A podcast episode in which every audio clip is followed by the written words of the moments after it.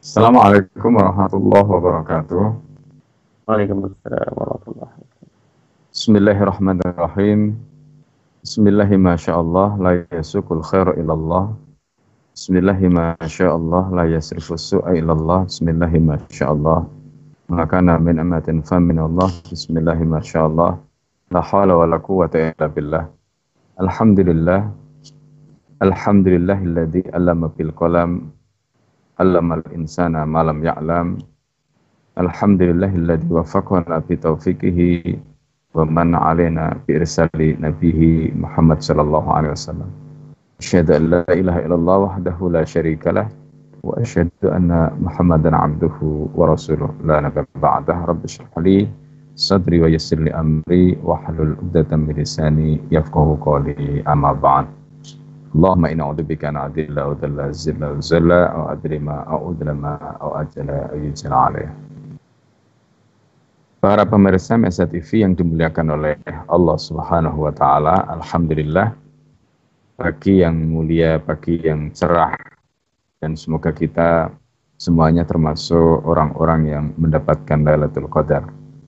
Dan semoga kita semua termasuk orang-orang yang diringankan oleh Allah Subhanahu wa taala untuk mengisi ketaatan di 10 hari yang terakhir khususnya dan melipat gandakan ketaatan kita, memanen amal soleh kita, dan semoga kajian kita pada pagi hari ini semakin mengokohkan himmah kita, semangat kita, dan kesadaran kita untuk mendapatkan yang terbaik di Ramadan 1441 Hijriah ini. E, seperti yang tadi sudah disampaikan, kita akan masuk pada pembahasan himatul mu'min wa qalbuhu muta'alliqun bil akhirah. Halaman 230 dalam khatimah kitab Salah Ummah fi Ulul Himmah karangan Dr. Said Hussein Al-Afani. Himmah seorang mukmin dan hatinya yang terkait atau hatinya yang uh, terikat dengan akhirat. Qala Ibnu Al-Jazi, Al-Hafidh Ibnu Al-Jazi rahimahullah, Al-Hafidh Ibnu Al-Jazi berkata, himmatul mukmin, himmahnya orang mukmin itu muta'alliq bil akhirah. Himmahnya orang mukmin itu terikat dengan akhirat. Fakullu ma fid dunya jadi apa saja yang ada di dunia itu yuharrikuhu menggerakkan dia. Jadi apa saja yang ada di dunia itu menggerakkan dia ila dzikril akhirah untuk mengingat akhirat. Wa kullu ma syaghalahu syai'un dan apa saja yang menyibukkan dia. Wa kullu man syaghalahu syai'un. Jadi setiap orang maaf yang disibukkan oleh sesuatu fahimatuhu sughluhu maka himmahnya dia itu adalah apa yang menjadi kesibukan dia. Jadi kalau kita pikiran kita sibuk memikirkan akhirat, maka ya dunia itu sebenarnya lewat karena pikiran kita akhirat ya. Seperti misalnya dalam surat Al-Qasas ayat 77 Allah menyatakan wabataghi fi ma'atakallahu darul akhirah. Jadi kamu cari kata Allah apa yang Allah berikan untukmu berupa negeri akhirat Kemudian kalimat berikutnya walatan sanasi bagaimana dunia, tetapi kamu jangan membawakan bagianmu dari dunia ini. Jadi fokus pertama itu akhirat, maka dunia itu nanti akan ikut. Nah itu. Jadi dunia itu akan ikut. Nah oleh karena itu kalau kita bicara dalam konteks ini dalam pertemuan-pertemuan sebelumnya kita sudah ceritakan bagaimana kisah Abu Darda, salah seorang sahabat Rasulullah Shallallahu Alaihi Wasallam yang hidupnya mengalir karena beliau ibaratnya betul eh, betul-betul fokusnya adalah ibadah kepada Allah. Di dalam pembahasan yang lalu kita sudah singgung bagaimana sikap beliau dan pilihan-pilihan hidup beliau dan ini adalah salah satu yang bisa kita jadikan sebagai uh, patokan atau pedoman dalam kehidupan kita. Wal mu'minu idza ra'a zulmatan zakaro zulmatal kubur.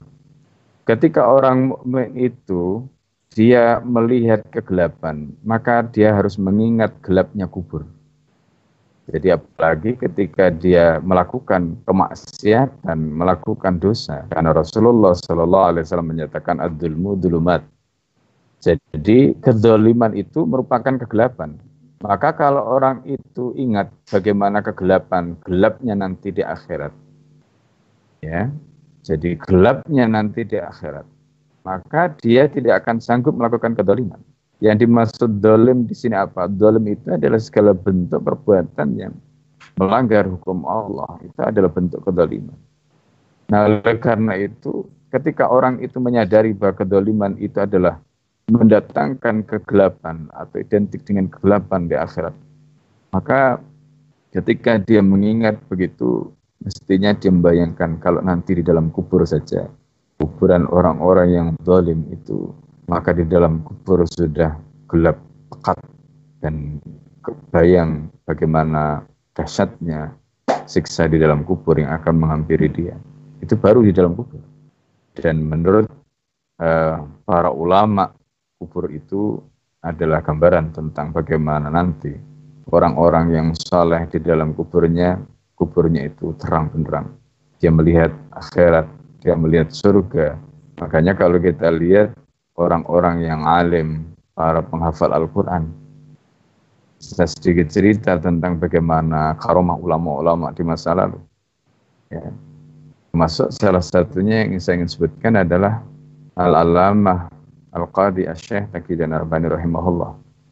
Beliau ketika wafat tahun 1970-an. Kemudian jenazah beliau diangkat kembali pada 20 tahun kemudian itu masih utuh. Kemudian setelah itu kira-kira 10 atau 20 tahun kemudian putra beliau yang lain ketika wafat diangkat kembali juga demikian. Jadi jenazah orang-orang atau ulama-ulama yang luar biasa ini itu dijaga oleh Allah Subhanahu wa taala. Dan kehidupan di dalam kubur tadi itu ya seperti itu, gambaran tentang uh, kira-kira nanti apa yang beliau dapatkan. Maka orang-orang yang dolim itu dikubur di kuburan saja itu seperti tadi digambarkan kedoliman itu mendatangkan kegelapan maka kuburnya pun begitu dan boleh jadi di kubur dia sudah mulai di siksa dengan siksaan yang luar biasa oleh malaikat. Nah, para pemirsa MSA TV yang dimuliakan oleh Allah. Wa idza mu'liman kalau dia melihat sesuatu yang menyakitkan dakar iqabah, maka dia harus ingat iqab, siksanya Allah. Maka ketika dia katakan misalnya sakit, dia melihat sesuatu yang menyakitkan, dia selalu ingat Allah Subhanahu wa taala. Wa idza sami'a sautan fadi'an kalau dia mendengar suara yang luar biasa kerasnya, suara yang memakakkan dakara nafhatasur maka dia ingat bagaimana nanti ketika malaikat peniup sangkakala meniupkan trompetnya. Subhanallah. Ini pandangan orang-orang yang memiliki himmah yang aliyah tadi itu, di mana hatinya selalu terkait dengan akhirat. Wa idar an-nasa kalau dia melihat orang sedang tidur, jakarul mauta fil kubur, Masya Allah. Dia mengingat bagaimana orang yang sedang mati terlelap di dalam kuburnya. Dan dia membayangkan dirinya seperti itu. Maka ini yang membuat dia kemudian akhirnya tidak bisa berkutik. Mau apa? Mau lari ke mana? Pada akhirnya semua akan seperti itu. Ruhnya diambil oleh Allah, tidak bisa apa-apa. Wa in datan kalau dia melihat ada kenikmatan maka zakarul jannata dia ingat surga. Maka para sahabat ketika mendapatkan ayat-ayat tentang surga mereka masya Allah kerinduan mereka membuncah begitu luar biasa. Dan ketika mereka mendengarkan ayat-ayat siksa maka mereka menangis. Bahkan ada yang pingsan karena saking takutnya. Ini gambaran bagaimana himmah orang tadi, himmah orang mukmin wa qalbu muta'alliqani bil akhirah tadi. Himmahnya orang mukmin dan hatinya selalu terikat atau terkait dengan akhirat. Fahimmatuhu muta'alliqatan bima. Jadi himmahnya itu selalu terkait dengan apa yang akan dia dapatkan. Wadhalika yushaghiluhu an kulli matamma. Dia kemudian sibuk dengan apa yang bisa menyempurnakan semua amalnya agar dia mendapatkan kebaikan setelah kematian. Ini orang mukmin. Jadi subhanallah. Wa ma indahu dan perkara yang paling agung yang dia miliki atau ada pada dirinya annahu yatakhayalu dawamal baqa'i fil jannah. Dia membayangkan bahwa dia hidup selama-lamanya di surga. Ini yang paling a'dam. Wa anna baqa'ahu la yanqati dan kekekalan dia di dalam surga itu tidak akan terputus. Wala yazalu wala ya'tadi muna munaghisun. Dan dia akan selalu seperti itu dan tidak akan pernah hilang. Dan para pemirsa yang dimulakan oleh Allah Subhanahu wa taala ada satu doa yang sebelumnya saya sudah sampaikan dan semoga para pemirsa MSL TV masih hafal doa itu. Allahumma inna nas'aluka ladatan nadri ila wajhika. Itu adalah doa yang luar biasa. Jadi ini doa itu harus selalu kita tancapkan dalam hati kita. Ya Allah, hamba memohon kepadamu. Ladatan nadri ila wajhika. Yaitu kenikmatan melihat wajahmu.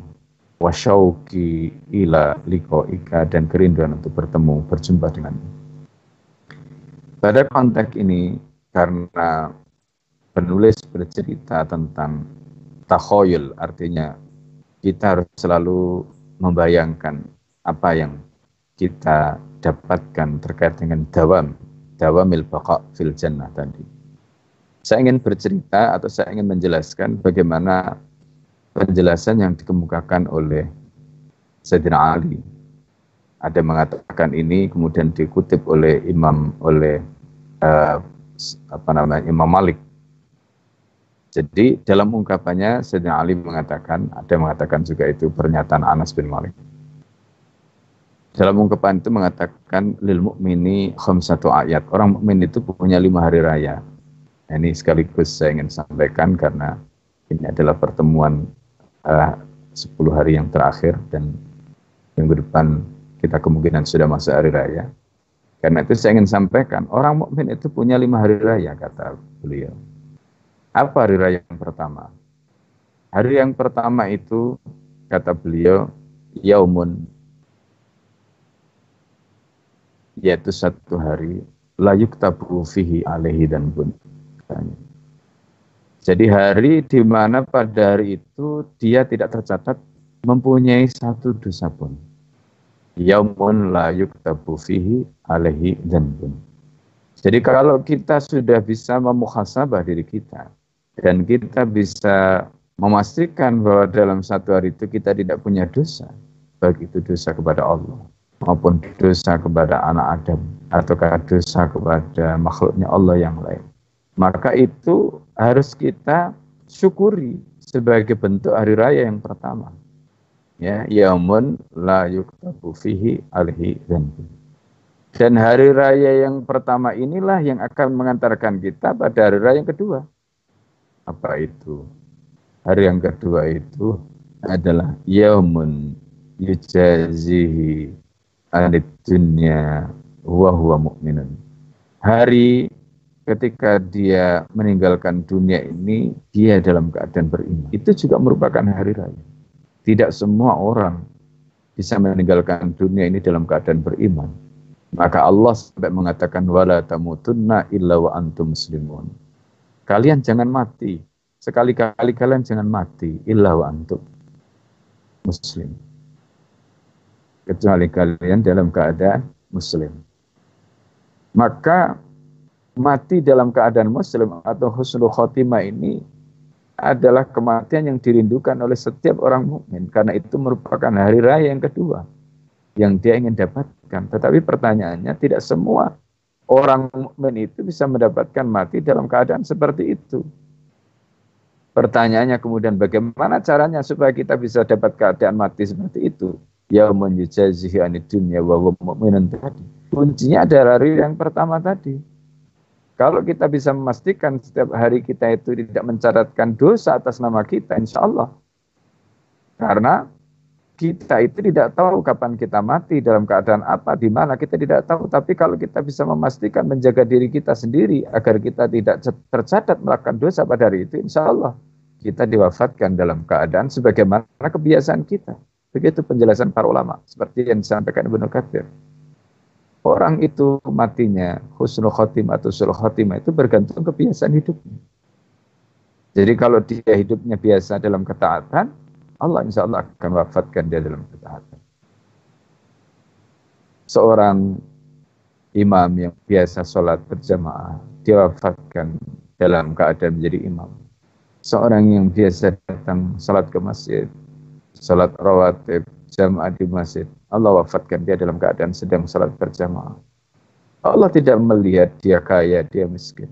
Allah melihat amal dia, melihat keistiqomahan dia, melihat kebiasaan dia. Seorang pengumuman dakwah juga begitu. Ketika dia istiqomah dalam ketaatan, dalam dakwahnya, insya Allah Allah akan wafatkan dia dalam keadaan jadi dalam keadaan sebagai pengumuman dakwah. Allah. Para pemirsa Masa TV yang dimuliakan oleh Allah, itu yang kedua, hari yang kedua. Yauman la yujazihi anid wa wa mu'min. Kemudian yang kedua, yang ketiga, yang kedua tadi mungkin kalimatnya lebih tepat yauman yakhruju minad dunya wa wa mu'minun. Nah, yang ketiga baru yauman yujazihi anis sirat wa aminun. Itu kalimatnya yang tepat.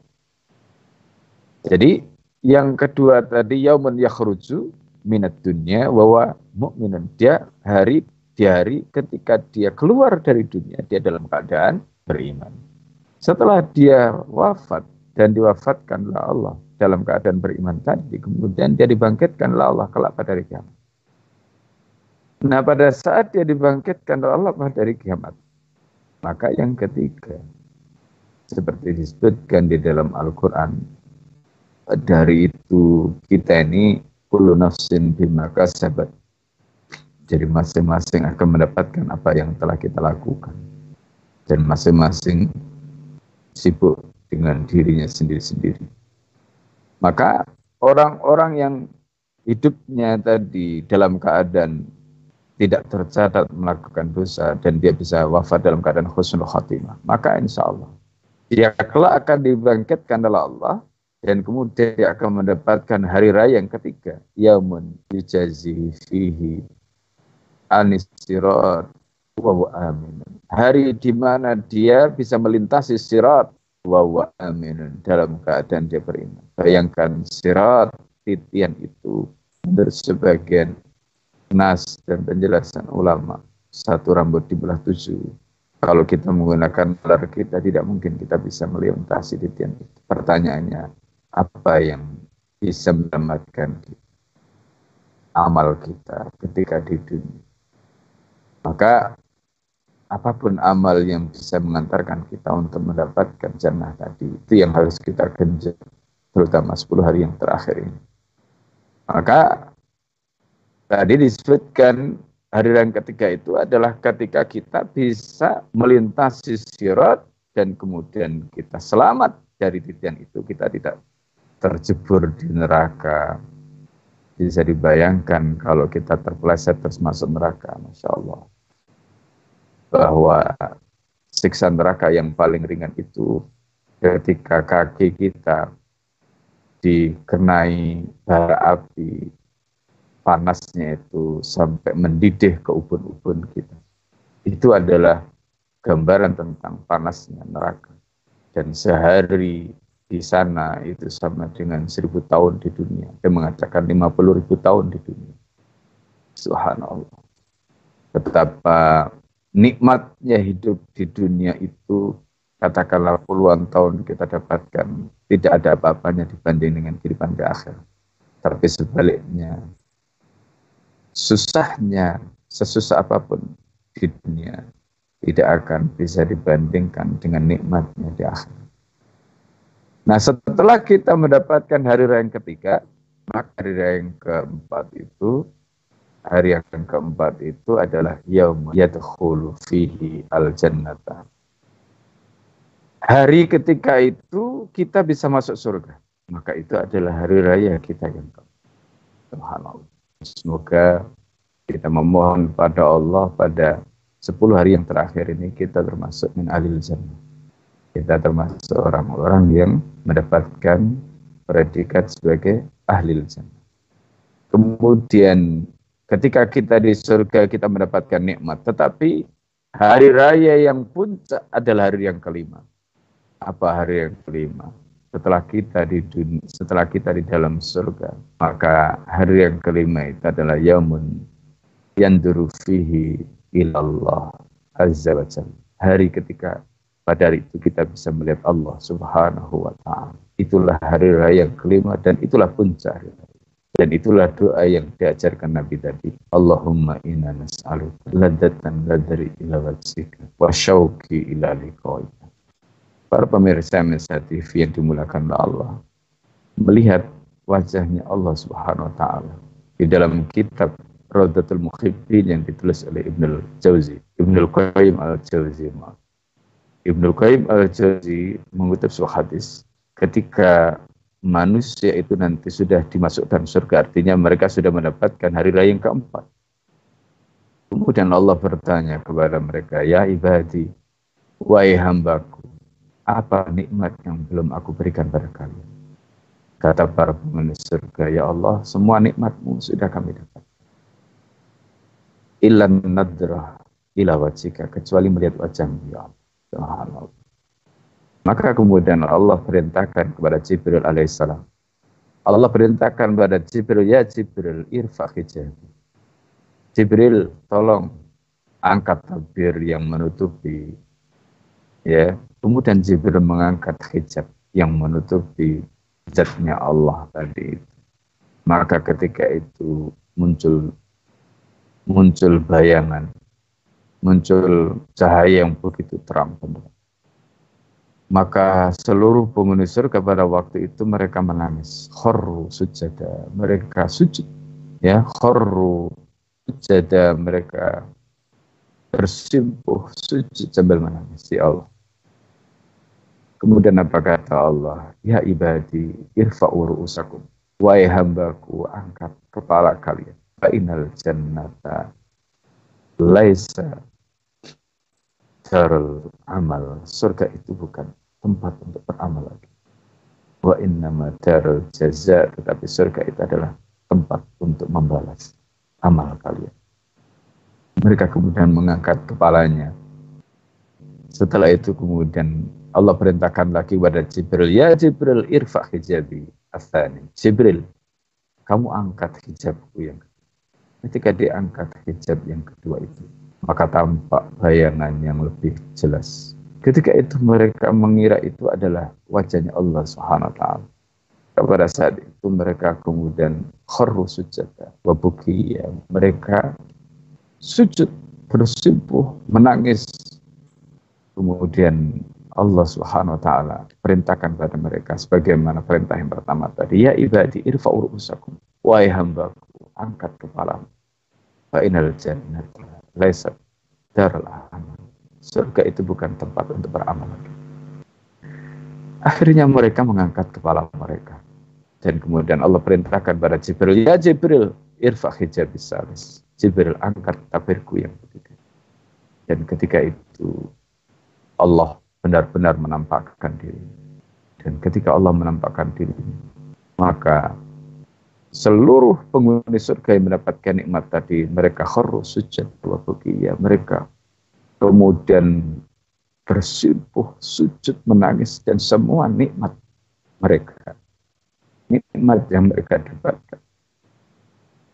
Nikmat surga yang mereka dapatkan. Semua tadi itu lenyap, semua tadi itu hilang, semua tadi itu seolah-olah tidak lagi mereka ingat. Kenapa?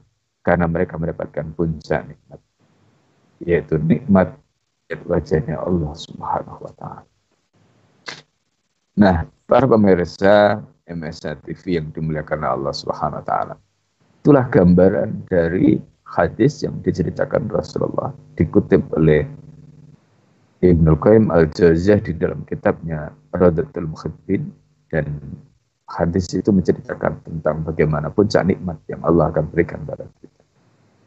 Karena itu di dalam ungkapan Al-Hafidh Ibnu Jauzi tadi mengatakan wa'adamu ma indahu perkara yang paling agung yang dimiliki oleh seseorang itu ayat takhayalu dawamal baqa'i fil jannah. Dia harus membayangkan bagaimana langgengnya hidup, bagaimana langgengnya nikmat di dalam surga tadi. Wa anna baqa'ahu la yang dan bahwa kenikmatannya itu tidak pernah terputus. Fayakatu idza takhayyala nafsahu mutaqalliban fi tilkal ladati daimah. Jadi nyaris saja dia ketika membayangkan dirinya mutaqalliban fi tilkal ladati daimah.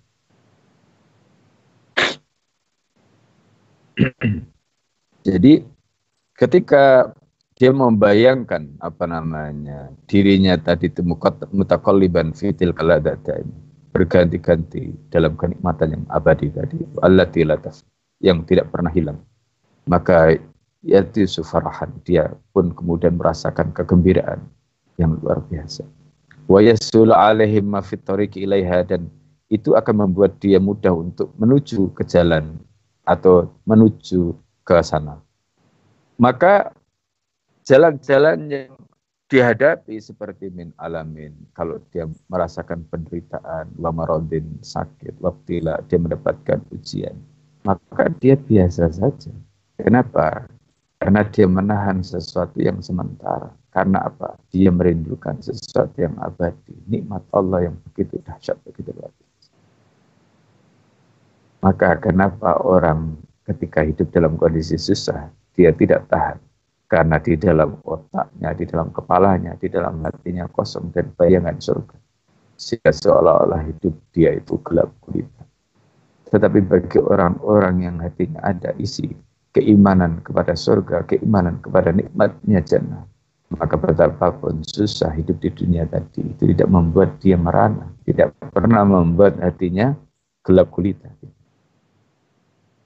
Begitu juga wafat di mahfubin hilangnya orang-orang yang dicintai wahujumil mauti serangan kematian itu tidak membuat dia tidak membuat dia sedikit pun ya merasakan sesuatu yang berat karena bayangan tentang akhirat tadi itu begitu luar biasa.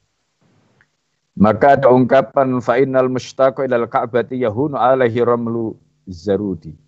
Jadi kalau orang itu sudah merindukan, ingin melihat Ka'bah, maka ramlu zarud. Ramlu zarud itu adalah pasir yang eh, apa namanya di jalan-jalan menuju ke kota Makkah yang biasanya kita tahu kalau kita sekarang saja naik bis itu sering ada badai. Artinya jalannya itu tidak mudah, berpasir dan mungkin panas. Belum lagi kalau ada badai, gurun dan sebagainya. Tetapi karena kerinduan untuk melihat Ka'bah begitu membuncah, maka sesuatu yang menghalangi dia tadi betapapun beratnya itu akan yahun alaih. Maka semuanya akan dia pandang ringan semuanya itu akan dipandang mudah.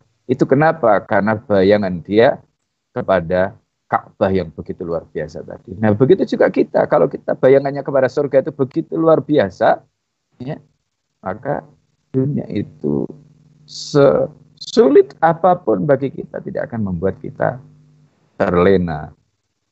Wata'ik ilal afiyah. Begitu juga orang yang ingin mendapatkan kesembuhan layu bali bimararati dawa dia tidak akan pernah peduli dengan bagaimana pahitnya obat kalau dia pengen sembuh. Hari ini kita melihat misalnya orang pengen katakanlah misalnya mendapatkan kesembuhan, pengen terbebas dari pandemi.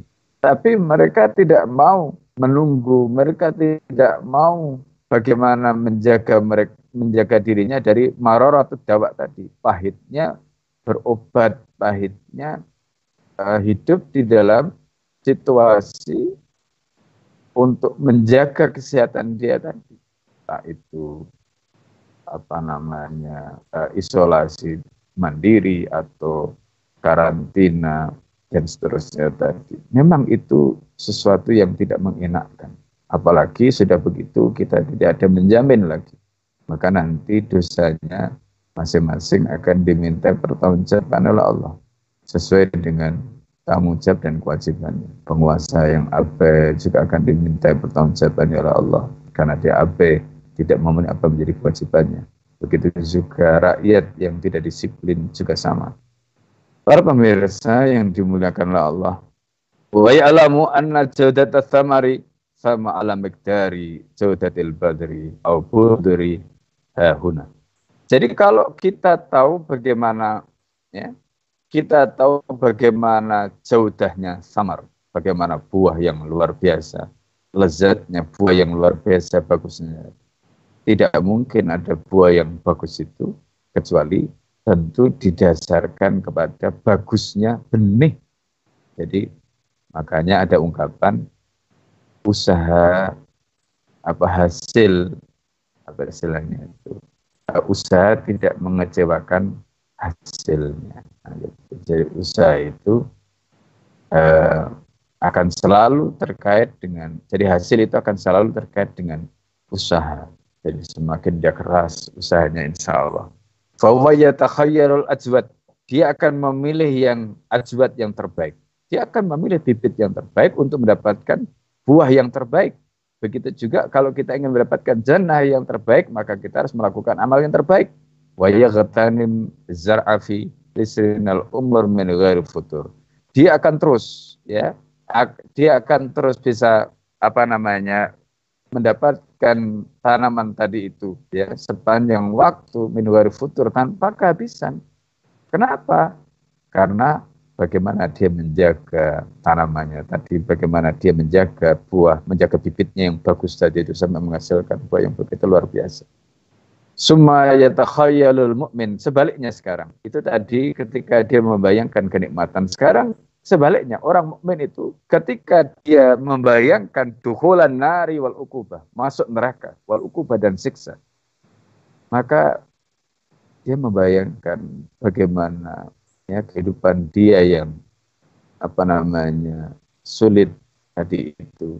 Ketika dia membayangkan bagaimana susahnya di neraka. Kehidupan-kehidupan dia yang sulit tadi itu tidak akan membuat dia merasakan itu sebagai satu kesulitan yang berarti kalau dibanding dengan bagaimana neraka tadi. Nah oleh karena itu para pemirsa MSA TV yang dimuliakan Allah Subhanahu taala. Jadi intinya apa yang disampaikan oleh beliau tadi itu ya Beliau katakan faida nazalahul mautu qawiyadun bis nafsin najat. Jadi kalau orang itu dia istilahnya apa namanya uh, ketika dia katakanlah misalnya kematian tadi itu ya sudah berhasil dia lalui dunia dia kepada keselamatan tadi begitu kuat maka apa namanya dia juga punya harapan untuk dirinya mendapatkan kesuksesan maka fayahunu alaihi semua itu menjadi mudah menjadi ringan. Jadi kalau orang itu melalui berbagai macam kesulitan tapi kalau dia yakin dengan kesulitan itu dia bisa melampaui fase kritis berhasil dia lewati. Kemudian dia optimis bahwa dia akan selamat. Insya Allah dia akan selamat Nah, maka hidup juga begitu. Kalau kita yakin dengan keyakinan kita untuk mendapatkan jannah, bagaimana caranya? Maka dengan melakukan amal-amal yang luar biasa tadi. Maka kemudian ketika orang itu dalam keadaan seperti tadi, katakanlah misalnya dia merasakan bahwa apa yang dia dapatkan tadi itu adalah merupakan kebaikan. Ketika dia mati pun dia tidak ada masalah. Karena bagi dia kematian itu hanyalah sementara. Orang-orang yang seperti itu di sini dikatakan Begitu dia mati, mati dalam keadaan tersenyum. Di kuburnya pun dia merasakan seperti bukan merasakan di dalam kubur yang penuh dengan horor, penuh dengan siksaan. Seperti yang tadi kita sudah ceritakan bagaimana ulama-ulama di masa lalu. Jasadnya dijaga oleh Allah utuh meskipun sudah puluhan tahun. Nas'alullah azza wa jalla yakidatan tamatan tukharikuna ila talabil fadail. Jadi kita berdoa kepada Allah, semoga Allah memberikan kita yakidah tamah, kesadaran yang sempurna, tukharikuna ila talabil fadail yang bisa menggerakkan kita untuk mencari keutamaan-keutamaan pada tamna'una ikhtiyari radhail dan menghalangi kita untuk memilih pilihan-pilihan yang hina fa innahu in wafaqa Ya, artinya kalau itu semuanya sesuai dengan Allah memberikan taufik pada kita. Maka kalau tidak ya bala nafi'a semua hidup kita ini gak ada artinya. Nah karena itu para pemirsa yang dimuliakan Allah, inti dari semuanya itu inti dari semuanya itu adalah nasib kita di akhir. Dunia ini hanyalah tempat kita lewat saja. Maka Rasulullah Shallallahu Alaihi Wasallam ketika ditawari kenikmatan dunia, Rasulullah tidak memilih karena itu semuanya akan ditinggalkan. Kalaulah kita sudah diberikan oleh Allah, mari kita gunakan semuanya ini untuk mendapatkan kenikmatan akhir. Jangan sampai kenikmatan dunia ini menghalangi kita untuk mendapatkan kenikmatan akhir. Saya kira itu yang saya bisa sampaikan. Masih ada waktu kurang lebih 10 menit ke depan silakan kalau ada hal-hal yang ingin ditanyakan atau ingin disampaikan terkait dengan materi dari kitab Salahul Ummah fi tadi. Allah wa yakum ismain. Assalamualaikum warahmatullahi wabarakatuh. Waalaikumsalam warahmatullahi wabarakatuh. Uh, Masya Allah penjelasan yang uh, luar biasa dari guru kita semua terkait dengan bagaimana himmah seorang mukmin dan terkaitnya terkait hati uh, seorang mukmin itu dengan akhirat. Ya, bagaimana kemudian kita selalu mengkaitkan hati kita dengan akhirat. Apa pun yang kita lihat, apa pun yang kita dengar, apa pun yang kita rasakan, maka kaitkanlah selalu dengan akhirat.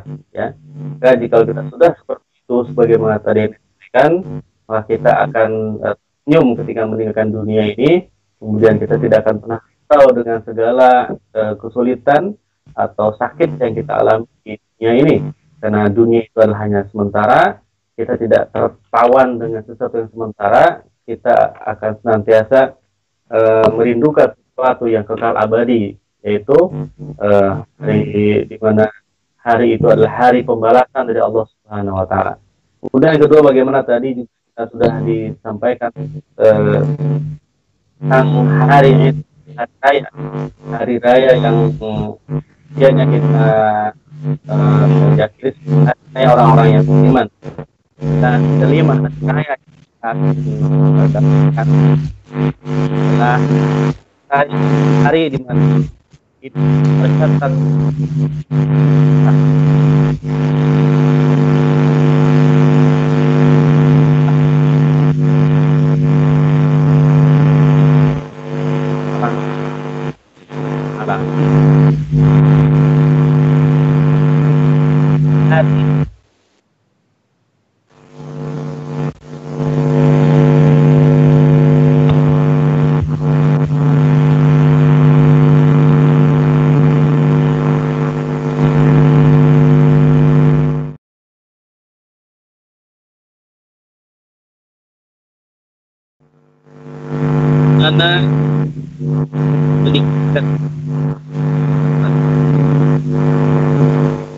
saya yang saya orang yang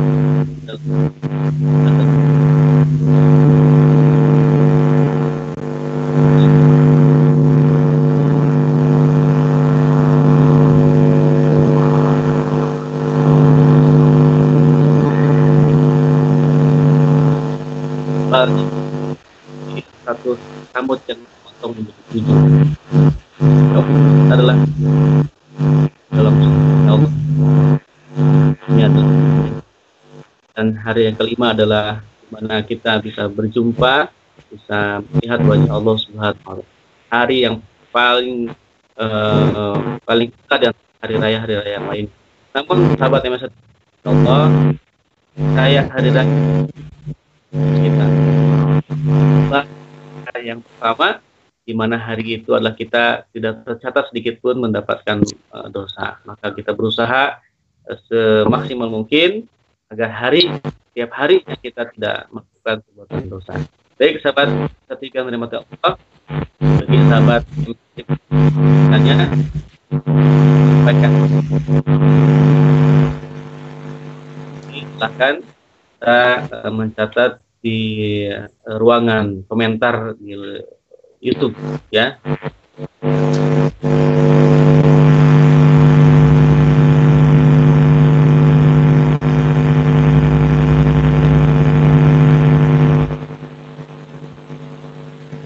jadi dan ingin meningkatkan amalan kita di akhir Ramadan ini juga bisa uh, melakukan wakaf uh, Lailatul Qadar. Allah Maha Terluar sedang melaksanakan program wakaf uh, Lailatul Qadar di mana kita memakan uh,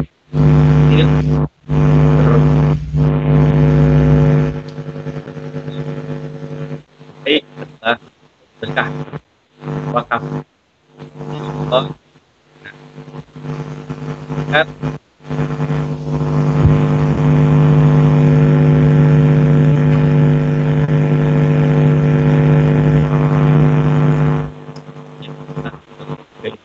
terus dirasakan manfaat oleh muslimin maka adalah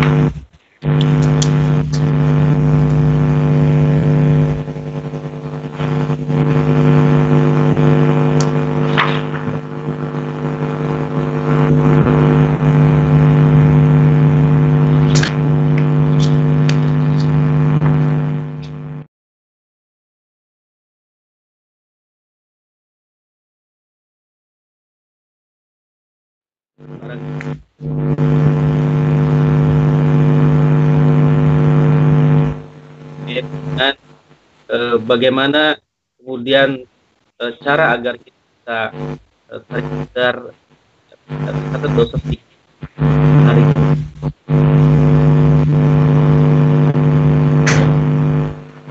kita tidak bisa e, menjadi manusia yang suci artinya setiap hari itu tidak tidak tercatat dengan dosa. Maka bagaimanakah e, Pak Kai agar kita bisa terlepas dari dosa yang kita lakukan setiap hari itu Pak Kai Ya, terkait dengan pertanyaan tadi, bagaimana caranya supaya kita bisa menjaga diri kita agar diri kita tidak tercatat melakukan dosa pada hari itu. Pertama, saya ingin sampaikan bahwa tidak ada manusia yang maksum ya. Tidak ada manusia yang maksum. Manusia yang terjaga dari dari dosa. Yang maksum itu hanya Rasulullah Sallallahu Alaihi Wasallam. Karena Rasulullah dijaga oleh Allah. Kemudian yang kedua yang harus kita pahami, ketika manusia itu tidak masuk, maka dia punya potensi untuk melakukan dosa. Nah pertanyaannya, apa yang membuat dia, dia bisa terhindar dari potensi melakukan dosa tadi? Dalam hal ini ada dua faktor. Faktor yang pertama itu terkait dengan jadi faktor yang pertama itu terkait dengan akidah. Jadi seperti yang tadi kita sudah sampaikan, ketika seseorang itu memiliki keyakinan yang kuat kepada akhirat, bayangan tentang akhirat itu betul-betul dihadirkan seperti surga tadi dihadirkan begitu luar biasa bayangannya kemudian begitu juga neraka bayangannya dihadirkan dalam diri dia sehingga itu memenuhi pikiran dia itu memenuhi hati dia.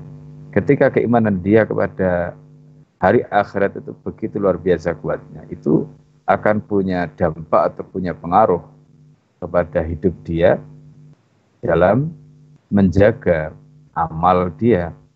Tapi ketika bayangan tentang akhirat tadi itu lemah maka bayangan tentang akhirat itu akan menjadikan dia jadi lemahnya bayangan tentang akhirat itu juga akan menjadikan dia amalnya lemah.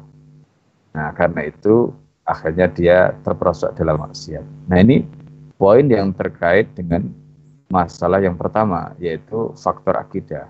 Jadi kuncinya itu adalah murokobah, pengawasan Allah. Kalau dalam bahasa Al-Quran itu juga disebutkan inna rabbaka labil mirsad, Tuhan kamu selalu mengawasi kamu. Nah, jadi selain ada kesadaran tentang pengawasan Allah, kesadaran bahwa ada malaikat yang selalu mengikuti kita, mencatat semua yang kita lakukan, juga kemudian kesadaran tentang surga dan neraka yang begitu kuat ya terkait dengan keimanan pada hari akhir tadi itu. Itu semuanya membentuk kekuatan di dalam diri seseorang tadi. Nah, faktor yang kedua selain yang tadi sudah disebutkan yaitu faktor yang terkait dengan pemahaman. Jadi ketika seseorang itu memahami tentang ini maksiat, kemudian ini taat, ini halal, ini haram, itu juga akan membentuk menjadi penjaga orang bisa jadi melakukan maksiat atau dosa itu ada tiga faktor. Faktor pertama mungkin dia tidak punya ilmu atau tidak paham dengan apa yang dilakukan itu. Bahwa itu adalah haram, dia kerjakan. Seolah-olah bahwa itu tidak haram. Perkara itu maksiat, dia kerjakan. Seolah-olah itu tidak maksiat. Ini karena dia tidak punya ilmu. Berarti faktor yang kedua itu terkait dengan masalah ilmu tadi. Jadi ilmu yang terkait dengan maksiat, terkait dengan ketaatan, terkait dengan halal haram, dia harus tahu. Jadi akidahnya, faktor yang kedua tadi tentang nah, ilmu. Nah kalau itu bisa kita pertahankan, maka insya Allah ya eh, seseorang tadi itu akan bisa terjaga. Nah termasuk dalam pembahasan yang lalu kita sudah singgung hal-hal yang bisa menyebabkan seseorang itu rusak hatinya atau pikirannya. Itu karena interaksi. Interaksi dengan lingkungan interaksi dengan masyarakat yang rusak. Jadi misalnya seperti ketika dia ke pasar pasti akan berubah hatinya atau misalnya ke mall-mall atau misalnya ke tempat-tempat uh, yang di situ banyak berkumpul di mana lagi dengan perempuan uh, menjadi apa namanya satu ya, sehingga potensi ikhtilat itu luar biasa di situ itu pasti akan berusaha hatinya. Nah ini faktor-faktor yang ikut berpengaruh. Nah jadi kalau itu bisa dijaga semua, jadi mulai dari akidahnya tadi, kemudian pemahaman dia terkait dengan hukum syarat tadi, nah kemudian yang ketiga tadi menjaga lingkungan dan pergaulan, insya Allah dia akan bisa menjaga dirinya. Nah termasuk faktor yang tadi yang saya sebutkan selain lingkungan itu ada faktor yang keempat yaitu apa? Kesibukan. Nah karena kesibukan ini terkait dengan uh, pikiran kita. Dalam pembahasan yang lalu kita sudah singgung faktor yang menyebabkan orang itu terdorong melakukan amal itu kan ada dua ada faktor yang terkait dengan nagoriza maupun kebutuhan jasmani nagoriza itu naluri itu dipengaruhi dua faktor bisa karena faktor wakil fakta atau realitas dan faktor yang kedua itu pikiran nah ketika kita sibuk dalam ketaatan, pikiran kita juga akan terbawa ke sana seperti tadi sudah disebutkan. Kalau misalnya pikiran kita itu sibuk memikirkan akhirat, maka otomatis yang kita lakukan juga ke sana. Dalam ungkapan sederhananya begini, man lam yastagil bil haqqi faqad istaghala bil batil. Jadi kalau orang itu tidak sibuk dalam al-haq, maka pasti dia akan sibuk dalam yang batil. Maka kalau kita ingin sibuk, maka kalau kita tidak ingin sibuk dalam kebatilan, sibukkanlah diri dalam ke kebenaran itu rumusnya. Nah, jadi ini berarti kita membutuhkan kesibukan yang akan bisa mengalihkan kita dari perkara yang yang batil tadi itu sehingga kita senantiasa dalam ketaatan insyaallah. Nah, itu. Baik, uh, syukuran Pak Kiai atas jawabannya. Kemudian ini ada dua pertanyaan namun sepertinya mirip, jadi saya gabungkan saja dari Abu Imtiaz dan juga dari Gus Tur Candy. Nah, ini memang uh, pemirsa MSF yang setia di setiap kajian ada terus insya Allah. Ini terkait terkait dengan keistiqomahan terkait bagaimana menjaga keistiqomahan uh, untuk terus melakukan amal ma'ruf nahi mungkar dan juga uh, beribadah di akhir Ramadan. Karena sungguh ternyata ketika akhir akhir Ramadan ini godaannya malah makin berat Ustaz. Kira-kira apa yang harus dilakukan untuk menghindari godaan-godaan ini? Gitu, okay. Istiqomah itu membutuhkan satu tadi kekuatan akidah. Maka di dalam Al-Quran Allah mengatakan ini ladina qalu rabbuna Allah sumastaqamu. Nah, jadi di situ Allah mulai dengan kalimat qalu rabbuna Allah sumastaqamu. Jadi akidahnya dikuatkan dulu, keyakinan kepada Allah. Allah selalu dihadirkan di dalam hatinya. Dia ingat terus Allah. Kemudian tadi itu bayangan tentang akhirat dan sebagainya tadi bahwa manusia itu berubah hatinya itu manusiawi jangankan kita seorang sahabat Nabi datang kepada Rasulullah SAW dia mengatakan ya Rasulullah idalah itu kan ketika aku bertemu denganmu ya Rasulullah rokot ulubuna hati kami itu bergetar wa idha faraktuka tetapi kalau kami sudah meninggalkanmu hati kami kembali lagi Nah itu artinya sahabat yang hidup pada zaman Nabi yang berinteraksi dengan Nabi saja seperti itu itu manusiawi. Oleh karena itu, bagaimana caranya supaya bisa tetap istiqomah tadi? Kuncinya adalah iman. Nah, iman ini bergantung kepada masing-masing. Makanya Nabi menyebutkan al-iman yazidu wa yang kusu kata yazal iman itu bisa bertambah, bisa berkurang dan bahkan bisa hilang. Jadi istiqomah itu kuncinya tadi innalladzina qalu rabbunallah sumastaqamu. Jadi rabbunallah tadi terkait dengan iman. Maka iman ini harus kita yazidu, kita teruskan, tingkatkan. Kalau imannya yazidu tidak yang khusus, maka insya Allah istiqomahnya itu bisa dikatakan. Nah, jadi sebenarnya antara menjaga iman dengan dengan amal perbuatan itu saling terkait. Imam Nawawi menjelaskan hadis tadi al iman yazidu wa kusu itu dengan penjelasan begini.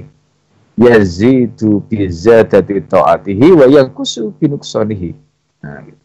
Jadi iman itu bertambah dengan tambahnya taat. Nah, taat itu terkait dengan perbuatan fisik. Jadi artinya apa? Iman itu akan bertambah kalau fisiknya taat iman itu akan berkurang kalau fisiknya tidak taat. Berarti apa? Antara iman dengan perbuatan tadi saling terkait. Jadi ini ibaratnya saling tarik menarik.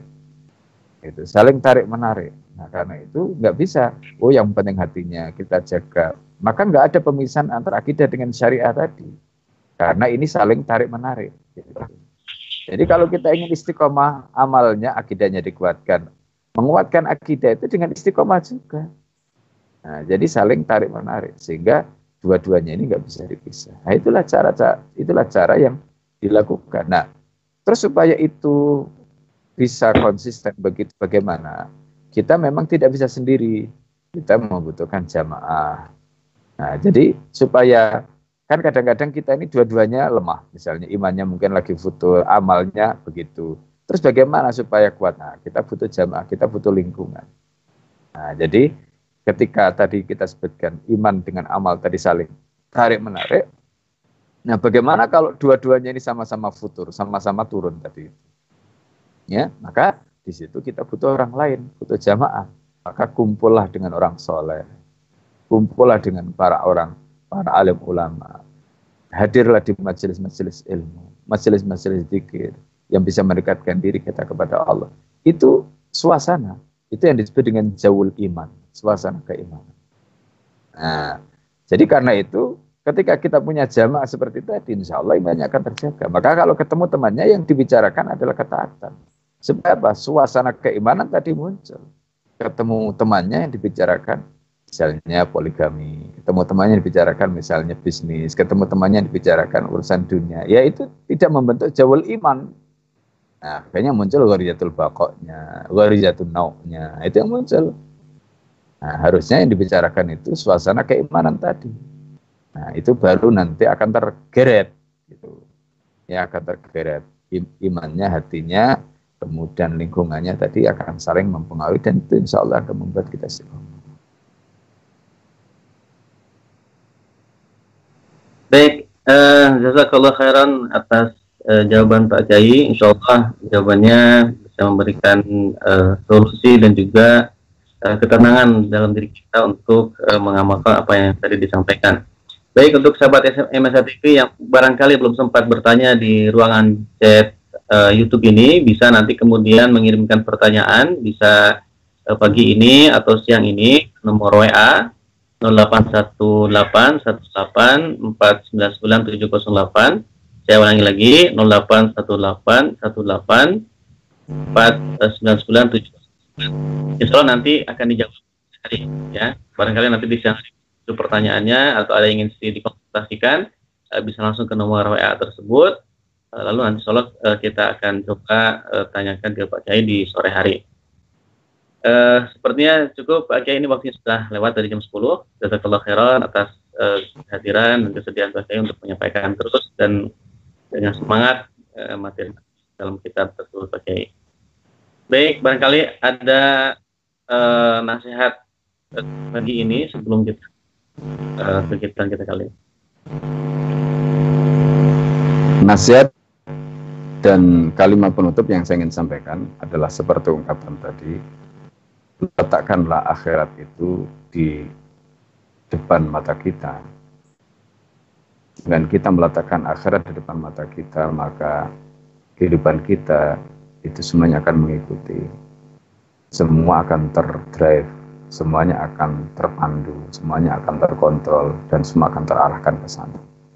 Tapi ketika kita letakkan akhirat di belakang kita, kita belakangi akhirat, maka ibaratnya kita tidak pasti mau ke mana. Maka yang pasti itu adalah akhirat. Ketika akhirat itu pasti, itu masuk kematian itu pasti, maka dunia yang tidak pasti ini pasti akan mengikuti yang pasti tadi. Tetapi sebaliknya ketika kita meletakkan akhirat di belakang, sementara kita menjadikan dunia yang tidak pasti sebagai yang di depan kita, maka akhirat kita terombang ambing dengan ketidakpastian kehidupan kita dunia yang tidak pasti.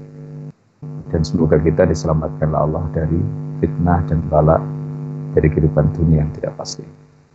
Itu saya kira poin penting yang saya sampaikan.